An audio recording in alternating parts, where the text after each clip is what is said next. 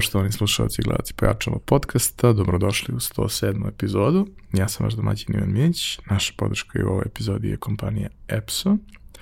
A danas u gosti imamo jednog e, veoma zanimljivog gospodina koji radi svašta nešto i kroz život je radio svašta nešto, ali da ne bi ja to nešto ovaj, mnogo preprečavao, Aleksandre, molim te da se predstaviš i da kažeš čime se ti baviš. Krenuli smo odmah s teškim pitanjima. Ovaj, hvala ti Ivane što si me ugostio ovde u ovom prijatnom ambijentu pojačalo studija i što mi daješ priliku da podelim svoju priču sa tvojim slušalcima, gledaocima. Čime se ja bavim? E, ako kažem preduzetnik sam, što de facto jeste stvar, nekako će da zvuči možda malo obično. Ovaj, krenulo je sa muzikom, nastavilo se kroz turizam, zatim ovaj smo pokrenuli e, platformu za Naterija koja okuplja male proizvođače iz Srbije koju sada razvijamo, koja raste, a ceo taj put koji traje već 20 plus godina je prožet mnogim putovanjima na raznim meridijanima, nekim iskustvima, tako da je sve to negde protkano kroz sve što radim je zapravo uvezano sa mojim lifestyle-om. Zapravo, zapravo to je možda i najbolje objašnjenje da nikada mi nije bio u potpunosti razdvojen privatni od poslovnog života, da je to uvek nekako bilo isprepletano i u kako sam ja negde evoluirao, tako su evoluirale i moje ideje i moji projekti, tako da evo me danas ovde da pričamo o toj evoluciji. Um, sve goste pitam isto pitanje na početku, a to je šta si htio da budeš kad porasteš? Da, sećam se baš ovaj, naš zajednički drugar Uzelac kada ti je gostao u podcastu i on ti je odgovorio kako je želao da bude preduzetnik i kako je crtao stalno simbole nekih imaginarnih firmi Ja sam hteo da budem frontman heavy metal benda, to mi je bilo najveći san i ja sam isto tako kako je ta evolucija mene kao heavy metalca tekla od blagim ka sve ekstremnijim i krvavijim žanrovima, tako sam ja sve krvavije i šiljatije logo iscrtavao, većina tih bendova nikad nije ni zaživela, ali neki na kraju i jesu. Tako da sam ja donekle taj svoj san i ispunio. Ja sam bio frontman metal benda i snimili smo album i svirali smo puno, imali smo spotove, to je kao funkcionisalo sasvim lepo neko vreme. Tako da to možda jeste neka neka klica moja začetna preduzetnička je zapravo ta iz heavy metala stigla. A što se tiče onog nekog, da kažemo, formalnog obrazovanja i tog nekog standardnog obrazovnog razvojnog puta, kako je to kod tebe izgledalo? Da, to je isto bilo uh, simpatično. ovaj, ja sam se rodio i odrastao u Obrenovcu, preselio sam se u Zemun pre nekih 20 i neku godinu i ovaj, tamo sam završio osnovnu školu, završio sam Obrenovačku gimnaziju i u trenutku kad je trebalo već da se razmišlja o, o upisivanju faksa, ja sam do te mere bio zaglibio u metal i samo me to zanimalo. Imao sam kosu do pola leđa, znači sve full, redenici, nitne, sve. Bio sam dobar džak, ali kao moja strast je bila ono, da odem na svirku i to. Tako da, ovaj, kad je došlo kao već se približilo za faks, ej, pa šta ćemo, onda sam ja odlučio kao i bio sam prirodni smer, ajde da, da spremim matematiku za prijemni, ajde da upišem građevinski fakultet. I ja sam upisao građevinu i to je tako i u početku nije to loše išlo i onda ovaj sam se zaglavio tamo na građevini, već u jednom momentu kad sam ono dogurao do treće godine građevine, što taj put nije trajao tri godine, ovaj, ja sam se negde tu zaglavio i odlučio sam da odustanem, onda sam posle otputovao prvi put za Ameriku, tad sam bio, inače sam tad bio, možda ćemo i doći do, do te priče, zaglavljen nekako u životu po svim ono segmentima, sve sve što sam želeo da uradim se nekako zaglavilo u tom trenutku.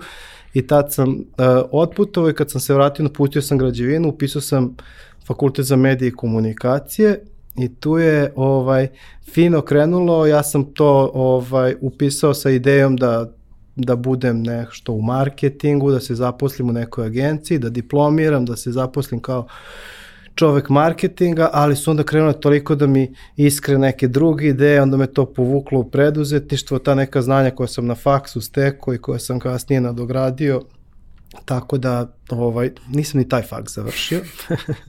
Nije puno ostalo, ali nikako da dođe na red. Tako da moje formalno obrazovanje to je ono što se moja žena ljuti kad ovaj, mora popunjavamo, ja napiše da sam završio samo gimnaziju, tako da moje formalno obrazovanje je Obrenovačka gimnazija. A kada si u životu prvi put uh, krenuo nešto da, da radiš? I šta je to bilo? E, da, kada sam nešto krenuo da radim, pa mogu da kažem ovako, da sam prvo zapravo krenuo da sviram sa bendom. I sad to možda iz ove perspektive ne zvuči kao posao, ali mi smo to stvarno zaista jako ozbiljno radili. I ovaj, i tom smo bili jako puno posvećeni, srećom imao sam tu podršku roditelja koji su me pustili da, da, da tako, da se bavim metalom.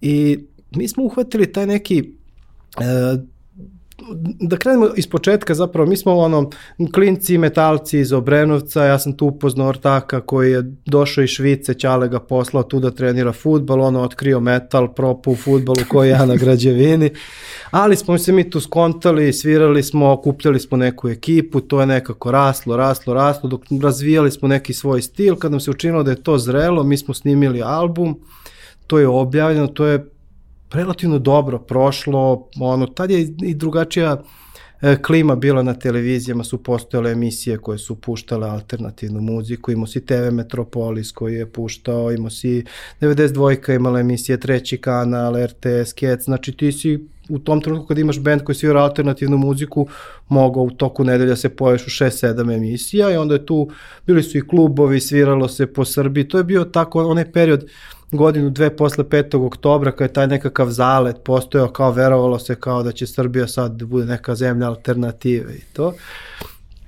I, ovaj, i ja sam se tome stvarno ozbiljno posvetio, mi smo, mnogo smo svirali, vežbali smo, tako, baš smo se cimali oko toga.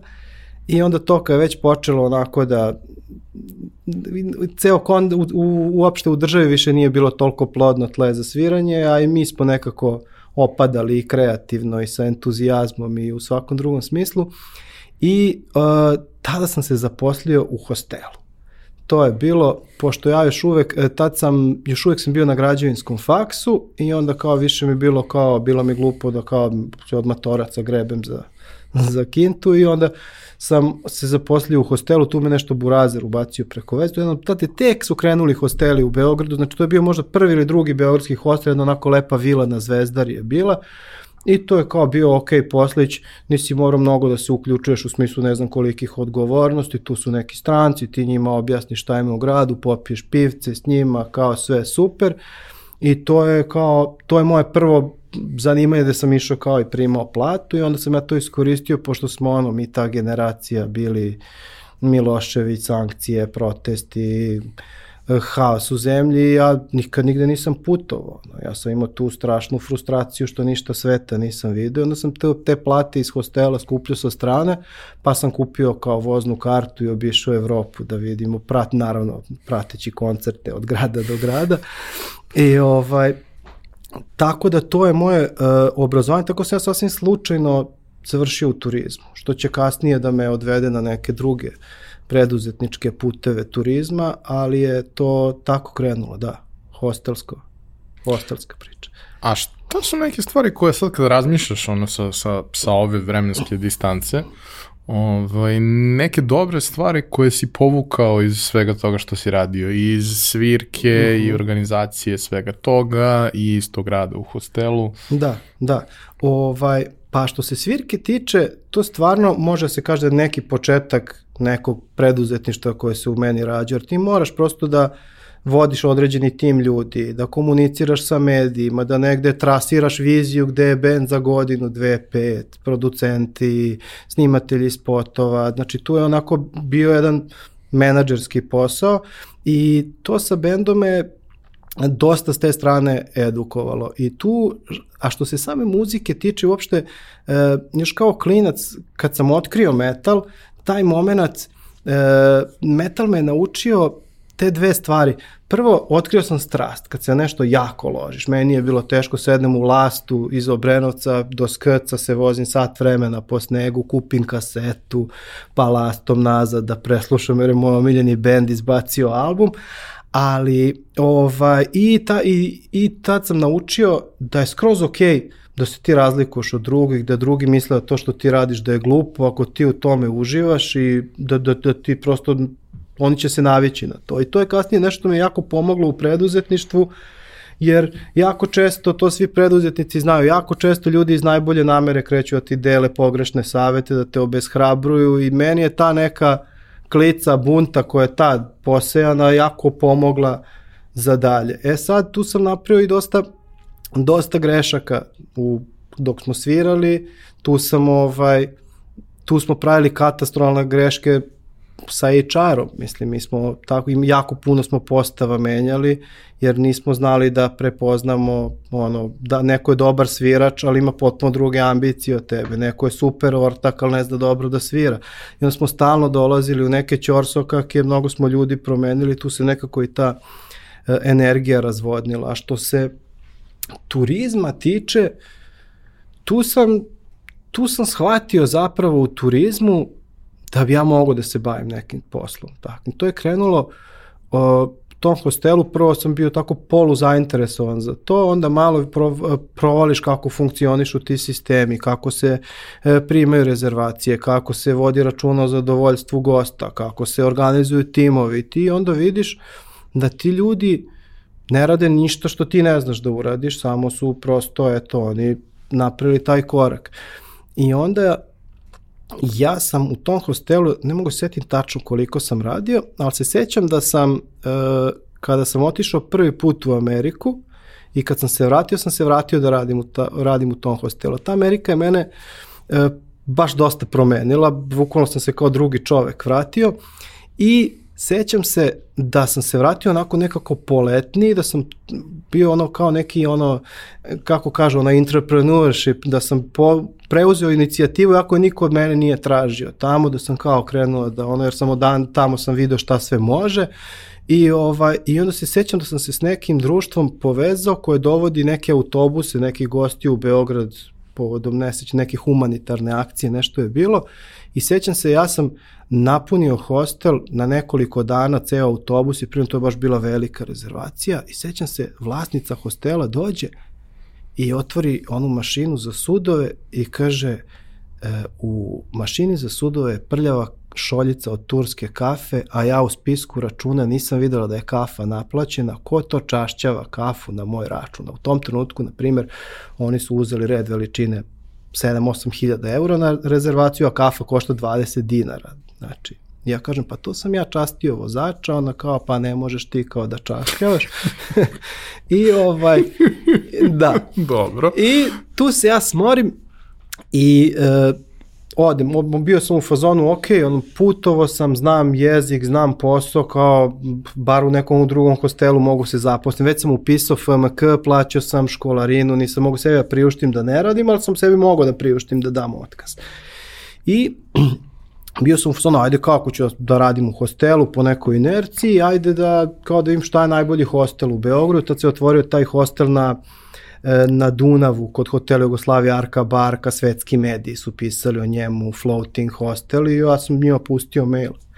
E, kao, čao, ja bi da, da radim ovde u hostelu kod vas, ja imam iskustva tog i toga, i su me odmah pozvali i to je krenulo. I sad, tamo kad sam počeo da radim, tamo je bilo malo drugačija ovaj, atmosfera. Pike koji je osnivač tog hostela, onako vrlo specifičan tip.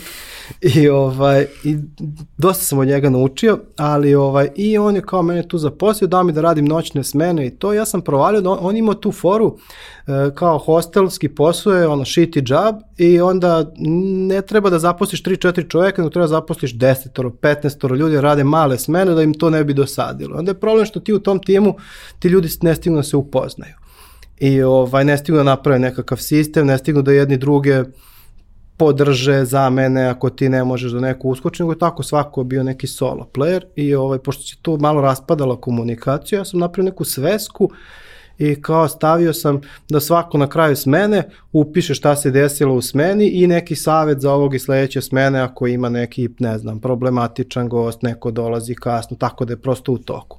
I onda je on video tu svesku pa mi ništa nije rekao, bio je u fazonu svima nastavite ovo da popunjavate, ovo je cool.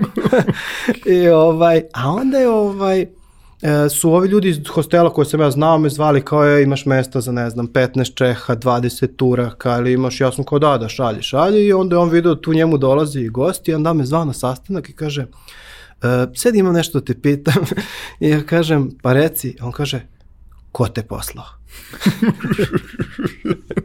I ja kažem kako misliš ko te posla, ko me posla? On kaže, ko te poslao? Krenuo si da mi uvodiš red na recepciji, krenuo si da mi dovodiš goste, to niko nije radio pre tebe, to nisu čista posla, ko te posla? ja kažem, nemoj da si paranoja i sećam se njega koji mi se onako unese u facu i kaže, paranoja je najbolja osobina za srpskog preduzetnika. I ovaj, I onda on kao rekao, ok, možeš da ideš, sve je cool, ovaj, ali provalit ću ako je tebe poslao.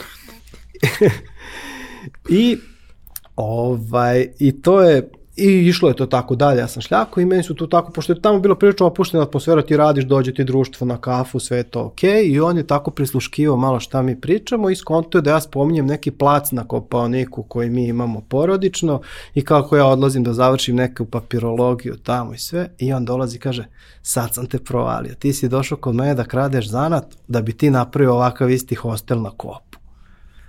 I on kad me to rekao, prvo mi zvučalo sumanuto, jer ja sam bio ne, ne, ne, ja studiram FMK, ja ću da se bavim marketingom, kao, ali mi on tu ono pustio nekog rovca u glavu i ovaj i onda sam ja stvarno krenuo da skidam njega, onda sam odlazio u njegove sobe pa sam malo pažljivije posmatrao arhitekturu, pa kako je on to rešio, pa kako je rešio zajedničke prostorije, pa gde je isfailovao, a gde je dobar, pa sam se onda počeo da analiziram ono u, unazad ovog gde sam radio pre toga. Građevinac u tebi je krenuo da Da, krenulo, krenuo je građevinac da radi i onda je to ovaj, krenulo u tom pravcu. I onda tu, tu se desilo par stvari, nekih koincidencija. U tom trenutku je moj burazer na, na, e, bio u Americi na, na work and travelu na, u Koloradu, radio je tamo u nekom planinskom odmaralištu, tipa, ne znam, neko imanje od par hektara, samo sa brvnarama i kam prikolicama.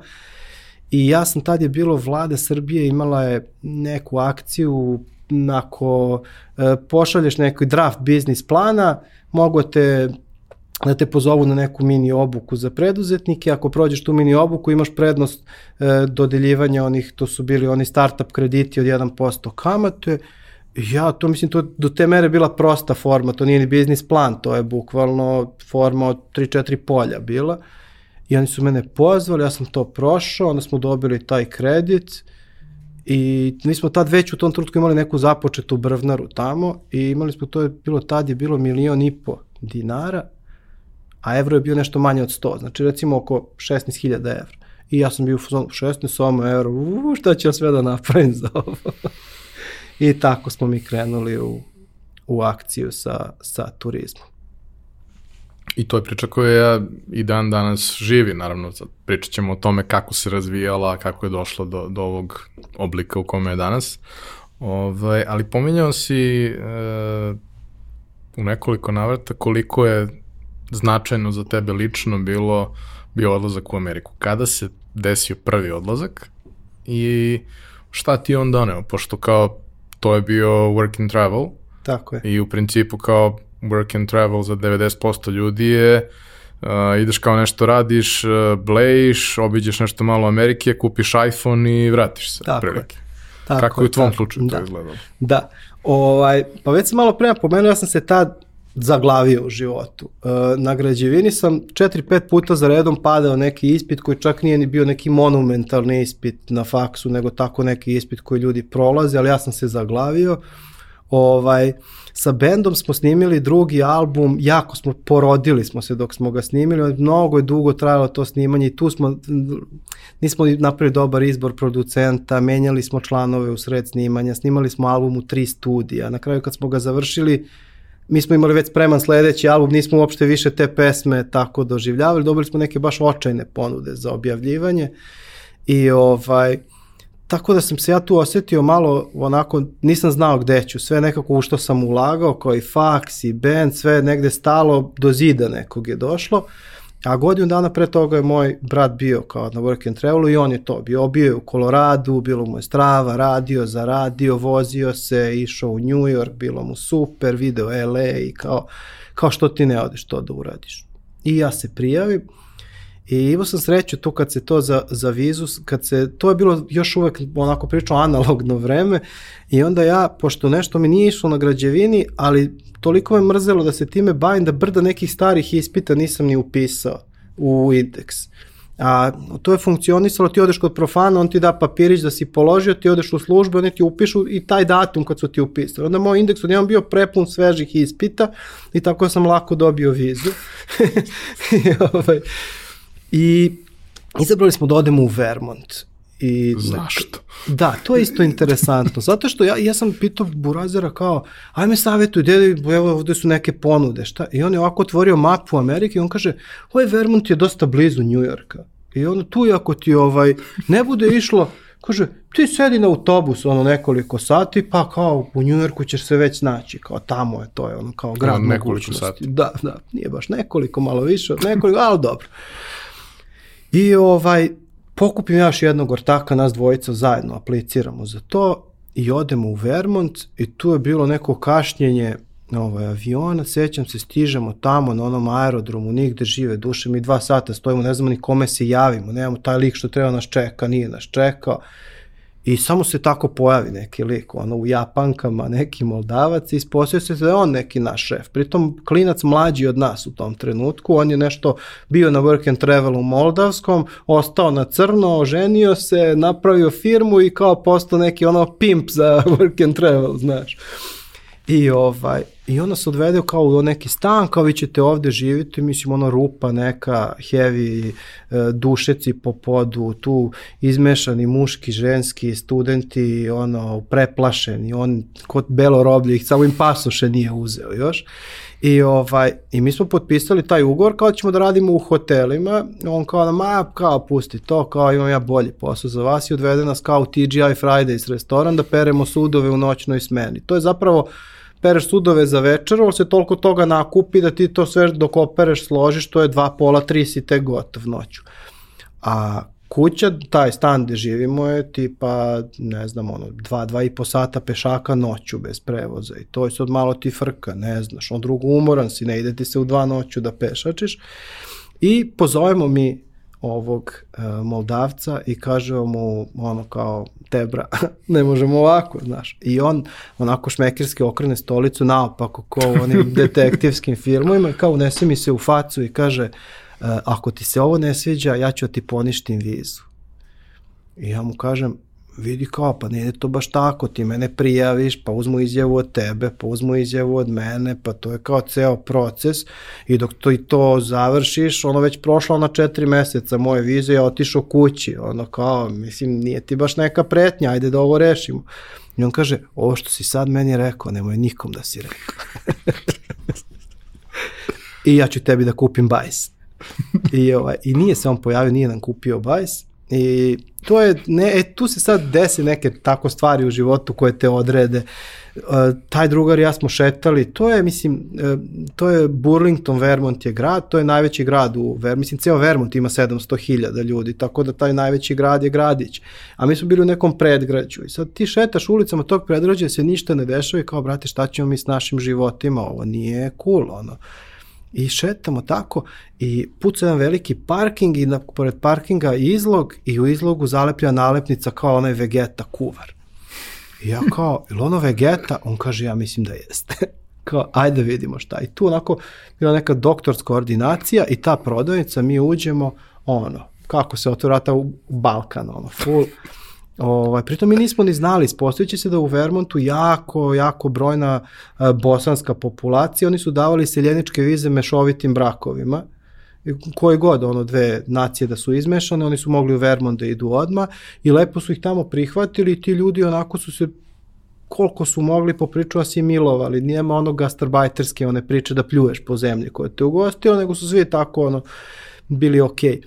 I mi uđemo u tu prodavnicu, tako neka žena, ono plavi minival, ono totalno SFRJ, i ja kažem, samo svećam se s rekao, dobar dan, uh, jel moram ja na engleskom ili možemo mi ovako? I ona kaže, ma kakav engleski? I kao, dakle ste vi iz Beograda, tamo, vamo, ja i kažem, rekao, mi smo u Frci, tražimo neki stan, ili znate neko ko ima nešto, ono? kaže, on imam ja kao ceo jedan sprat u kući, ali ne mogu samo za vas dvojicu, ne isplati se ni vama ni meni, aj skupite, mi se vratimo u onaj stan, hoće neko s nama se seli na bolje mesto, svi se odmah spakuju i mi se isti dan preselimo tamo i onda nam oni nađu preko bosanskih veza poslove na benzinskim pumpama, plava mobil, šulja, ovaj, sve ok, sećam se, sećam se da to je bilo baš onako bilo uzbudljivo. I, i strava je, pošto su oni, iako su mi relativno dobro govorili engleski, kad god ono i naši menadžeri na pumpama imaju nek, nešto hoće s nama, oni pozovu bosanca menadžera da nam on kaže. Pa to i sad tu je jako smešno, inače interesantno što oni kao naučili su engleski, ali to je onaj engleski taj ono pravimo roštilj u backyardi i to znaš i sad onda ja se, se ja se sećam kako je ovaj kako mi se jednom recimo desilo mi se pokvari aparat za kartice na benzinskoj pumpi, a tu se pored tek završila ovaj futbalska utakmica i kao na pumpi imamo ono 100 ljudi, svi hoće da plate karticom, ono ne radi. I tad sam prvi put video šta znači kad su ljudi fini i pristojni, svi su fazon, pa dobro ti imaš problem, pa mi ćemo da sačekamo, pa kao možemo ti nekako pomognemo? I ovaj sveća se zdaju mi ovaj bosanca menadžera me zove i kaže I sad tu ima kad se gurne u taj, uh, u taj aparat za kartice, ovaj, ona rolna, ti stisneš dugme feed da on povuče rol. I ovaj viče, ma feedaj, ma fi, si fido? ja kažem, ja sam, ne radi. Pa, ma nisi ti to fido, fidaj ti to. Tako da, ovaj, je bilo jako zabavno u to u toj ovaj kulturnom sudaru Ver, Vermontera i Bosanaca i nas negde između. Ali ovaj E sad šta se tu zapravo dešava? Mi smo u tom trenutku uh, umeđu vremenom dolazi i treći ortak s nama, moj drugar iz benda, gitarista, da i on živi s nama, ne da radi, nego on ima švajcarski pasoš, pa može do Amerike, pa ajde kad smo mi već tu da bude i on tu. Da, doble. Doble. I ovaj, onda i on tu nalazio neke posliće, nešto se cimo i u jednom momentu mi skontamo, ok, mi smo ono, željni putovanja, željni smo svirki, željni smo da vidimo sveta, željni smo žurki, željni smo Amerike iz filmova. Ovaj Vermont je prelep, ali nije ovo ono zbog čega smo mi došli. Kao, mi hoćemo festival, hoćemo da cirkamo, hoćemo, hoćemo da kao živimo ono život koji iz filmova. I šta ćemo kao, super je to Vermont, u sred grada je vodopad, ne znam, kao sve je strava, ali kao mi smo, imamo 20 i neku godinu i nije nam to fazon. I ja se setim da ja sam bio aktivan na forumu nekog benda za koje otprilike niko nije čuo i on imao svoju bazu od nekoliko stotina hardcore fanova u svetu i bila je tu neka devojka iz Minnesota s kom sam ja tako ono uvek, bili smo kao cool na tom forumu i ja pustim poruku koja je čao, ovo, ovaj, nas je trojica ovde Srba u Vermontu, nama ovde je dosadno, jer ima tu neka kombinacija, mi dođemo u Minnesota da se nešto radi. I ona kaže, dođite, imate mesto, dođite kod mene kao u dnevnoj sobi, ćete na kaučevima da spavate i ovaj, ja ću da vas zaposlim, da vam nađem gajbu i nemate nikakve frke, ja radim u firmi koja zapošljava ljude. I mi se pokupimo, damo otkaze, stavimo pare u džepove, zatvorimo račune u banci, idemo mi u Minnesota. I stignemo tamo u Minnesota i sad malo je to u početku bilo heavy, to je potpuno druga kultura, znači ono, Minnesota je ono, ljudi se rode i umru u istim kućama i ono, žive u zajednicama, ko ovde u Srbiji, onako, i jako su tako, ono, tu su uglavnom doseljenici, oni nemački, holandski, švedski i ti su ljudi koji su jako malo putovali, nikad nisu išli u LA, nikad nisu išli u New York, nikad nisu napustili Ameriku, tu su onako prilično lokalni ljudi i mi koji smo se u sred toga našli, I od tako nekoliko dana kao tu bilo super, oni su nas vodili okolo da nas pokazuju ljudima.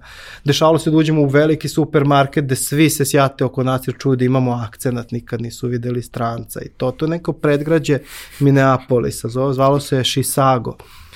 I prođe 4-5 dana ja kao, ej, hoćemo da vidimo za onu šljaku nešto, pošto kao ne ide ovako. I onda kao, naravno, naravno, kao zakazala sam ja kod mog šefa ovaj, sastanak I mi odemo tamo i ja vidim sve vreme se čovjek čudno ponaša. Ja sad kao preuzmem inicijativu i otvorim mu pasoš i kažem ova viza, to je viza, na njoj može se šljaka, kao sve je cool, mi smo legal, sve je legit, nemoj da se bojiš. On kaže, pa nije to moj problem, kaže, vama Stefani nije baš objasnila naša firma nalazi poslove, ali nalazi poslove kao ono mentalni disabled people, kao znaš, mi kao onim ljudima koji niko neće da zaposli, mi napravimo deal sa lokalnim kompanijama, pa neko pakuje kese negde u prodajci, neko kao, a vi em ste kao ok, em još ste i stranci, kao, znaš, kao, ja ne znam kako bi ja vas mogao da zaposlim.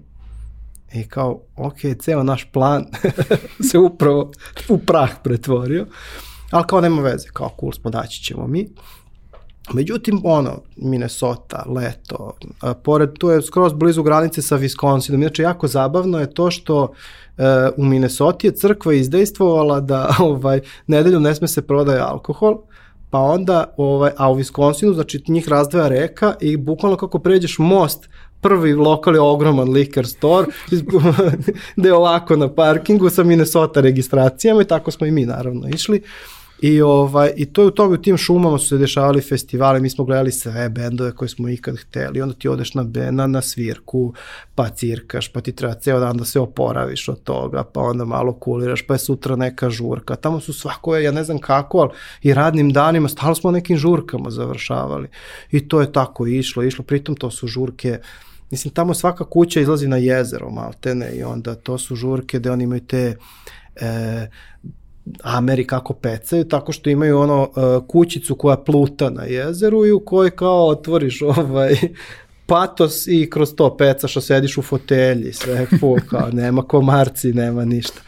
I, I kao mi smo tu po tim kućicama visili, odemo na sred jezera, kao baš bilo je super i, i kao, ali su sve se pare istopile i ovaj i nikako nađemo posao. I sad ti kad odeš ono kažu e traže se ko će da utovara gajbice u Coca-Cola ovom stovarištu kao mi odemo ali oni nas vide mi kljakavi mamurni od sinoć sa nekim akcentom tamo. Ne hvala. I potrošimo mi sve pare i sad kako su već te pare već krenule već je bilo malo frka ja okupim ovu trojicu to jest njih dvojicu kažem ljudi mi smo u frci, ono, ajmo u New York još dok ima nekih para da se čupamo, jer ovo je vrlo na granici. I kaže jedan od drugara, ovaj, ovaj švajcarac, kaže, ma jok, nije frka nikako, kao meni ja imam čaletove kartice, to je ovaj, ako bude kao nešto trebalo, ja mogu tu da skidam koliko god treba i onda u New Yorku ćemo kao da se raskusuramo, znaš, kao samo opusti se, ima ovde još par svirke, ajmo još na neku žurku i to.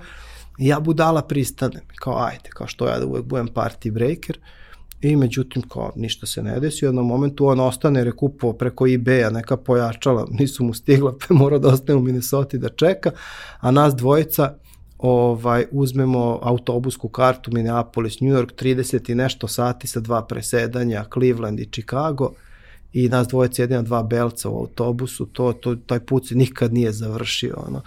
I kaže on nama, da, i mi treba da krenemo na taj autobus i stajemo da kao podigne, onda nam da nešto para sa kartice, jedna kartica blokirana, druga blokirana, treća blokirana, on kaže, uf, blokirane mi nešto sve kartice, kaže, evo vam ova, to je taj, taj je pin, čim stigneš u New York ti kao ćeš da podigneš pare odatle i ovaj, kao nemaš frke i vi putujete 30 sati, dotle ću ja sa čaletom da sredim kao to. I mi kao, ok, mi na bus, nemamo pojma, stižemo u New York, ja gurnem u bankomat, blokiran. Ja ga zovem, rekao, vrate, ovo blokirano, kaže, znam, ništa me ne pitaj, Čale se mnogo naljutio, kao potrošio sam mu sve pare s kartica, kao na ebayu i rekao mi kao vraći se kući, kao pravo će se odblokira, pa neće. I ja sam imao tad svoju kreditnu karticu srpsku i uspem s nje da izvučem neku kintu, istimam nekog drugara iz Obrenovca, kojeg znam tako ko klinac iz kraja, znam da je u Njujorku nešto bio, ono sprimi na gajbu, jednu noć kod njega, drugu, posle nas vidi taj njegov cimer i kao je, kao ne može, ove dvojice su spavali dve noći, to ti je to.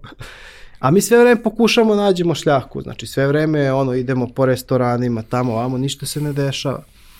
I pa on kaže, ja ne znam šta ću, ja ne mogu vas večeras kod mene, ali kao ima neka žurka, ajmo na žurku. Mi kao, ajmo na žurku, odemo na žurku, ono neka eksiju žurka, krajiške Uf. pesme, igra se kolo, sve full. Mi tu, ajde, iskvaj, sačekat ćemo jutro, vidi neki lik da mi tu previše dugo sedimo, kao šta je momci vaš problem, mi kao, eh, mi na žurci čekamo jutro, nemamo da ja spavamo, ono kao, on kao, aj kod mene na gajbu, možete večeras. Posle ispostavio da je dečko, ovaj, kasnije smo se ovde u Beogradu viđali na nekim projektima skroz drugim, dizajner, skroz gotivac, posle se vratio on ovde, i što je sad negde po Evropi, i ovaj, I tamo, ali međutim, kreće tu stvarno period beskućništva pravog, znači nemamo. I sad... No, mislim, i to je svakako ekstremno skupo mesto Za, i, da nemaš para. Tako je, tako je. I, ovaj, I tu se dešava ta situacija da ja zapravo prvi put to, sad kad si me ti pitao šta si, kad si prvi put šljakao, da taj moment gde su meni roditelji puštali da ja sam sazrim i da tako dođem do nekog svog odgovora na životna pitanja, i, ali ono, znaš, kao uvek sam imao kući plaćene račune, pun frižider, kao i to. I znao sam najgore što može se desiti da se malo stisnem. E sad kao ovde si u slobodnom padu i nemaš zašto da se uhvatiš, čuješ se s matorcima, ali si u ne, super mi je, našao sam posao, da ćeš njih sad da, da plašiš odande.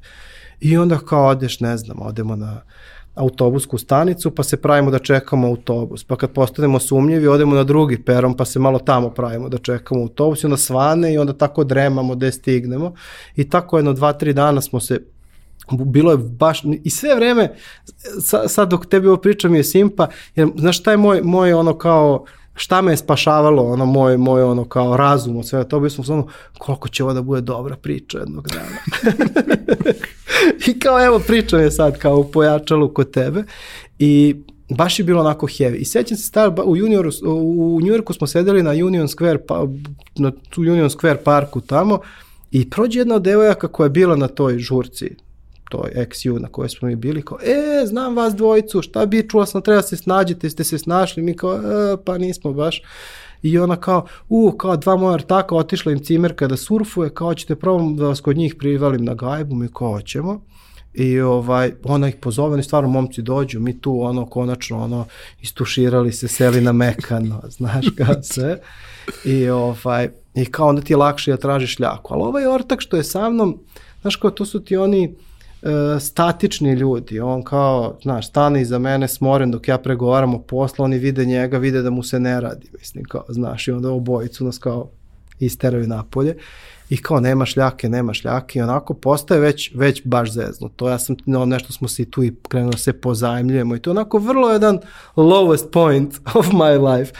I I oni kažu kao ovo se vraća sa surfovanja, kao morate da palite i da uklonite sve tragove, da ste ovde bili, znači će nas najuri, kao. A lokacija ludilo tamo, ovaj, do centralni Manhattan, Milina. I ka, kao, dećemo, šta ću? I meni pade na pamet, ono rekao, hajde ja do Srpske crkve. Tamo su naši ljudi, možda će neko da nešto mi pripomogne. I to je bio, sećam se, utorak. I kao znam, kao nedeljom su službe, ali idem, možda tamo ima neki domar, neko, nekog ću da nađem.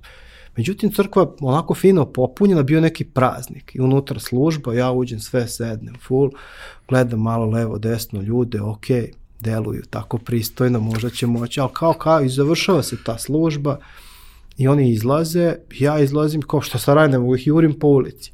Međutim, oni, e, pored Srpske crkve u Manhattanu ima ta velika crkvena zgrada, vidim svi ulaze u nju, pirako idem ja za njima? I tu postavljen veliki sto, ne znam, đuveč, pasulj, gulaš, turska kafa se kuva, sve kao i tu ti kao klopaš posle službe, to platiš crkvi koliko hoćeš da platiš, to je neka vrsta kao tvog ono, doprinosa crkvi, kao i tu je ono, tu Srbi mingluju, tu je sve, ja sad tako imamo, kupim jednu kafu i čučnem u ćošak i kao neprijatno mi osjeća, nekako imam osjećaj da mi na čelu piše kao beskućnik, znaš.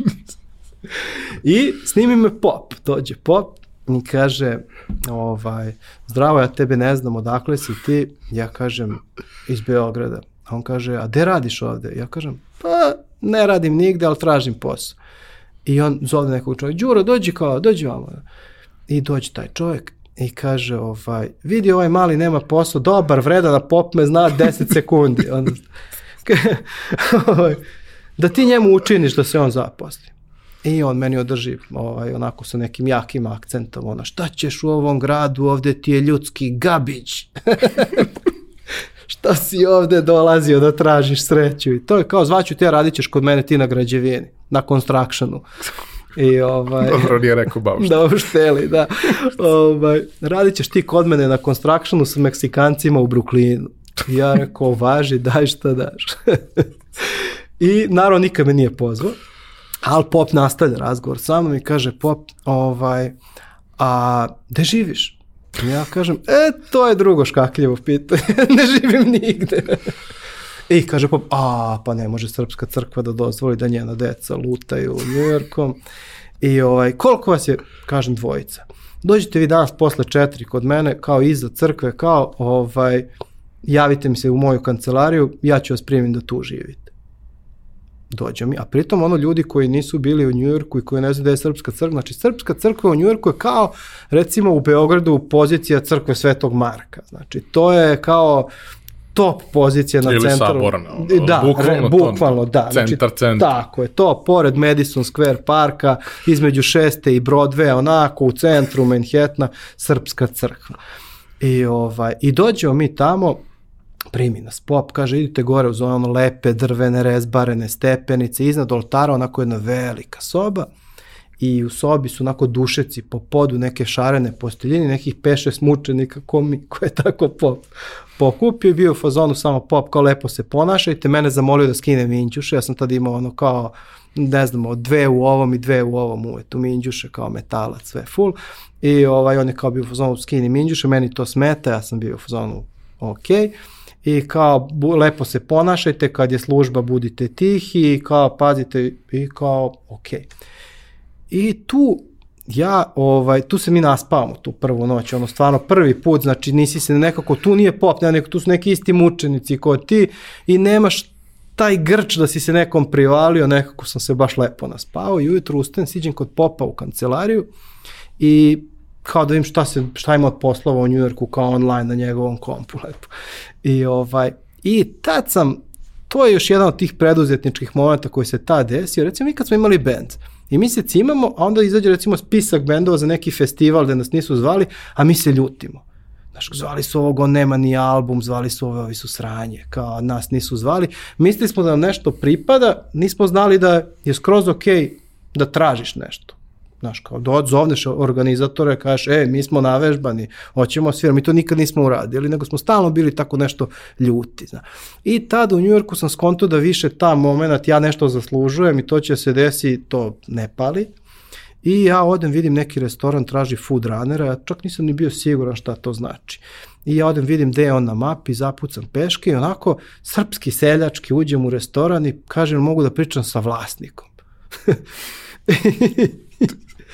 I oni kao, with the owner? Ja kao, yes. With Tony? Yeah, with Tony. I silazi lik, full, sređen. Na kraju će se ispostaviti da on neki multimilioner, da su svi oni konji iz uh, iz hrabrog srca njegovi konji, znaš, on je tamo neki ovaj, irski, škotski milioner, ono ko je došao u New York, otvorio restoran, eto, bio mu faza. Da ima, da ima. I on kao gleda me, kao, šta hoćeš? ja kao, pa vidio sam oglas za food runnera. I on kao, pa što si mene zvao? Pa kao, pa da razgovaramo da me zaposlite. Kao, pa ja ne zapošljavam, kao, znaš, kao, zovi kao menadžera kuhinje, kao, daj pošaljite mu Boba, kao. I dolazi neki debelju, a ovaj već ljut odlazi. I kao, you know Tony? Ja kao, yeah, yeah, he sent me to talk with you, talk to you. I kao, Tony me poslao da razgovaramo ovaj, o, o poslu kao da, za food runnera, ono. I on kao, ti to radio ranije? Ja kao, nisam, kao. kao. I on mi kaže to, sjećam se kao, are you bilingual? Kao, da li govoriš dva jezika? Bilingual je kao engleski i španski, da bi... I ja kao, yes, kao, pričam ja srpski, koji mi neće trebati tu, ali nema veze. I on kao, ok, kao, dođi, kao da znaš, težak je posao, lepo se zarađuje, kao dođi sutra. I ja stvarno, dođem sutra i bukvalno pod čekić tamo uletim. E, Meksosi pričaju samo ono španski između sebe u kuhinji. Ja ne znam ni jedno jelo kako se zove. Ovaj, i ono kad mi gosti traže ekstra nekog sosa, ja ne znam sosove. Znači, to je baš onako, bilo je vrlo traumatično, ali kao malo po malo, malo po malo, ovo ima neke poljske krvi, taj menadžer kuhinje, pa valjda po toj nekoj slovenskoj ovaj, liniji me sažalio se i zagotivio me i, i tako je sa mnom pričao. Ono kao i kad, kad nema kad nije busy teo da priča i o muzici ovom onom nije baš da su nam se poklapali interesi ja se pravio da nam se poklapaju jer sam bio u fazonu vi me čupate i ovaj i krene tu i ja se vraćam sećam se posle prve svoje smene u restoranu ja se vraćam nazad u crkvu i neki čovek to parkirao pick-up, a oko crkve su sve palme, onako, u, u, u saksijama i neki čovjek parkirao pick-upa i tovari palme i ja bilo mi glupo, vidim ga tovari sam, ja spustim ranac i krenem da tovarim s njim. I on kaže meni, ti si vredan, imaš ti posao? I ja kao, brate, imam, ali kao, reci o čemu. Kao, pa znaš kao, meni trebaju vredni momci, ja tu imam kao prodajem palme, ovo, ono, kao bi ti hteo da radiš. Rekao, ja mogu ponekad krenuti slobodno dan, ali imam reko drugara koji traži posao, može on kod tebe, može. I onda zaposlim ovog ortaka kod njega i tu smo isto part time nešto radili, to isto jako bilo zavno. Taj tip je neki, bio je bokserski trener i, i bio je u onoj ekipi o kojoj sad, ono, to je medijima večito večito interesantna, oni naši krimosi u Parizu, Alain mm. Delon, Stevica, ovo, mm. ono. I on je bio deo te ekipe u nekom drugom ešalonu i kad je krenula frka, on pobegne u Rim, tamo se smuva s nekom glumicom i s njom odleti, ona snimala kao u Njujorku filmove, on otišao s njom i statiro i statiro, pošto jako krupan. To velik, to, lep dečko. Da, da, ovako, plav, ogroman. I on je tu statirao i kupovao uđerice po Harlemu od tih honorara koje se ono raspadaju kućice i ovaj, kako se Manhattan širi, on to zavaljao, postao milioner, kupio na Palmi, na Floridi plantaže, tu ga, gaj palme i proda ih u Njujorku. I kao svi ga znaju, tamo je kao legenda. Ono. Chris King of Plants. Inače Živorad Krstić, ali je Chris. I ovaj, I onda smo i kod njega radili, to mi je bilo strava jer sam mogao tad New York malo da vidim i iznutra u smislu, znaš, palme za stanove kupuju bogati ljudi. I onda ti tako odlaziš kod nekih milionera, unosiš im one palme i to. I ovaj, tu sam isto naučio da haslujem malo, ovaj, pošto mi to vozili. I onda je bila varijanta kao, znaš, kao nas ne cene toliko i kao nikad ti neće dati bakšiš. I onda neki baš dečko iz Niša me savjetovao, kaže, mora se svađaš mora se svađaš kao s njim da se dereš na mušteriju da ti da bakšiš. Rekao, brate, ali ja nisam taj tip. I on kao, pa šta ti radim? Ja provalim foru i oni kad me natovare, oni mi daju listu ljudi koji, ovaj, kojima treba da odnesemo te palme i njihove brojeve telefona i adrese. Ja na svaki telefon po, na, napišem kao ono, poštovani, vaša palma je upravo krenula iz našeg magacina i kao naš vozač će biti tu u narednih 15 minuta, njegovo ime je Alex and your tip would be appreciated. A to zapravo ja šaljem sa svog ličnog telefona i od tada je tu fino isto krenulo bakšiš i sve.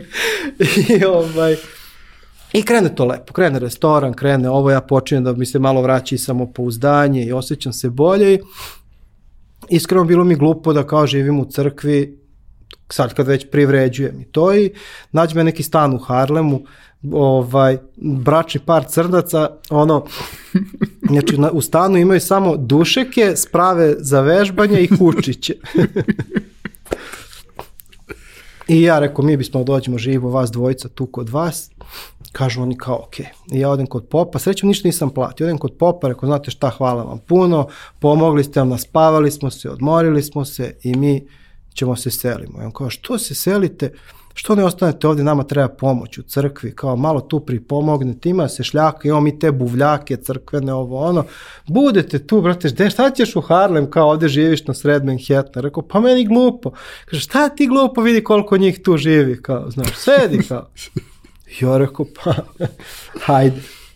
I ostajemo i stvarno smo im tu pomagali, pošto u pored crkve je parking koji se izdaje za ono zaposlene u, u tim tu velikim zgradama okolo i nedeljom oni ne dolaze na posao, onda se nedeljom na tom parkingu organizuje buvljak. I onda je crkva tu prepoznala biznis šansu da oni otvore svoju portu i da naprave svoj buvljak koji je faktički spojen sa ovim i onda ljudi kad dolaze, dolaze kod njih, a stvari nabavljaju tako što Srbi, ono, njujorski, kad nešto hoće da izbace sa gajbe, oni pozovu nekog crkvenog volontera, on donese kauč, kolekciju ploča, tako nešto u crkvu i onda mi to kao iznosimo iz magacina, tu budemo kad se to proda ili kad su crkvene žurke, pečemo ćevape. Crkvene Narod, žurke. Crkvene žurke, e, to je tek ludilo, ba, baš je ovo, zato što sećam se, jednom smo pekli ćevape, Ortak i ja, i ovaj, a bila neka pevačica je kao pevala i naši ljudi za stolovima, što je potpuno nadrealno na sred Manhattana, I, ovaj, I vrhunac je da u jednom momentu oni su naručili neku pesmu i onda sad tako ide po toj porti i peva i sećam se stiha u mene je đavo ušao, zna. Rekao, wow, New York, baby. Tako, inače crkva, to je, to je isto interesantno, sa te neke preduzetničke strane, tamo e, Srpska crkva, koliko sam ja skonto, pošto sam se ja družio dosta tamo i sa tim ljudima koji voje, pošto crkva je, e, e, popovi su tamo zaduženi za duhovnu stvar a za svetovne stvari postoji menadžment crkve. I ti ljudi, ono, ovaj, donose, zato sve je počelo, duno je neki jak vetar na Manhattanu, odneo pola krova srpske crkve, to je letelo po Manhattanu i ovaj, i onda su njima vlasti rekli ako se ne uozbiljite, gubite dozvolu. I onda je taj crkveni bord se sastao i onda su nekako isparcelisali su port, tu, su, e, tu su prodali kao za parking za automobile ljudima, pa su onda ovu crkvenu zgradicu, pošto su u Manhattanu, na Manhattanu svaki dan snimaju filmovi, stavili za bazu, za catering, za to. I onda su tako, imali su tako brda nekih, da kažeš, preduzetničkih aktivnosti, onda je crkva postala ono self-sustainable business. I nažalost ovaj, ta cr, to je crkva koja je izgorela pre nekoliko godina. Ja stvarno koliko god sad ovako malo i ovo sve duhovito pričali, meni je to onako jedna moja druga kuća i stvarno mi je jako žao toga, baš sam onako teško to podneo, čak sam i bio u Americi tad kad se to dešavalo. I ovaj, tako da smo mi ovaj živeli u toj crkvi, taj crkvenjački život, jedan drugar bi rekao nisi ti našo Boga, nego je Bog našo tebe. to je možda i najbolje objašnjenje. I sećam se da kad smo odlazili, ja sam kao spakovao u kovertu neku kintu koliko sam mogao da priuštim i odneo popu i bio sam ovo vredi mnogo manje nego što vredi život na Manhattanu da se plaća, ali kao ovo. I on se smejao i bio je u fazonu kao, ok, uzet ću, vidim da ti znači, ali kao, znaš da si prvi koji je ovo ponudio, kao, znaš. I U svakom slučaju, ispalo je super, ono, na kraju smo, ono, kao, vratili te dugove, zaradili kintu, kupili stvari, kupili poklone i kao, iščupali smo se i vratili smo se u Srbiju, ali ja sam se tad stvarno vratio kod drugi čovek.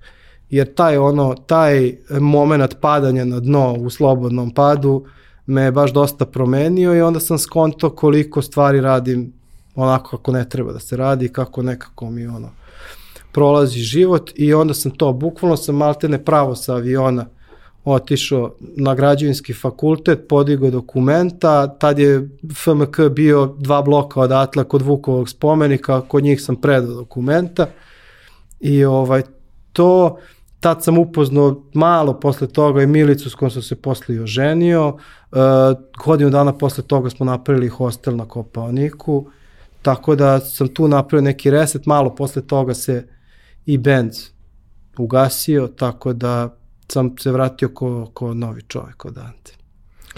E, te varijante kad, si, kad dovedeš sebe u situaciju da si primoran, a nemaš nikakav backup, jer kao ovde kad si uvek možeš da ne izlaziš iz, ku, iz kuće, imaćeš šta da pojedeš tako, toplo tako kuvano, imaćeš gde da se istuširaš i ono kao sedećeš i gledaćeš televiziju, šta god. Ovaj, ali kad se izmestiš tako negde i kad kao odabereš da preuzmeš odgovornost, a nema nazad. Mislim ima, ali vratit ćeš se kao gubitnik, pa malo je, Potpuno, tako, malo je tako, besmisleno. Tako, ovaj, a sam si to tražio na kraju dana. Znaš, kao, to su, to su uglavnom trenuci koje, kojima ljudi, ljudi, uh, koji ljudima promene život. Iz korena promene život nadalje. I to je bio i tvoj slučaj. Sad, uh, pomenuo si priču sa, sa hostelom na kopu i kako si krao zanat. Dobro. ovaj, ali kao, uh, ta priča sa hostelom je zapravo dosta kompleksnija nego što si je predstavio do sad. Uh, vi ste imali neku zemlju koja je bila porodično nasledđe, ali kao, mislim, to je zemlja i kao tu treba da se napravi nešto. Ako je hostel, to podrazumeva da to bude nešto malo veće za neki malo veći broj ljudi, ne praviš brnaru da, da. vi porodično možete da dođete, nego da da to ipak ima nekog smisla, da od toga može da se pravi neki profit i slično. A, kako je krenula ta priča, pošto ta priča i dalje živi i razvija se i ispričat ćeš sve o njoj, ali kao mhm. šta je, šta je početak?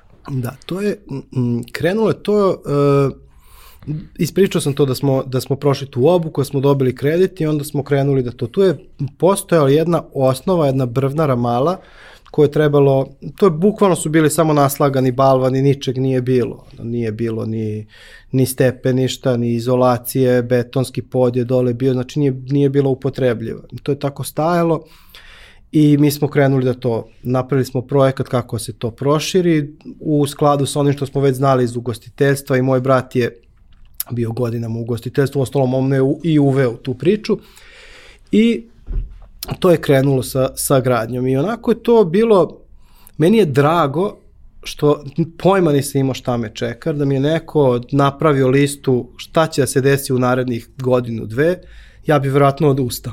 Bio bi u fuzonu, e, da sačekamo, to ipak još malo sazri. U svakom slučaju, mi smo se tu zaleteli, to je bilo vreme, ovaj,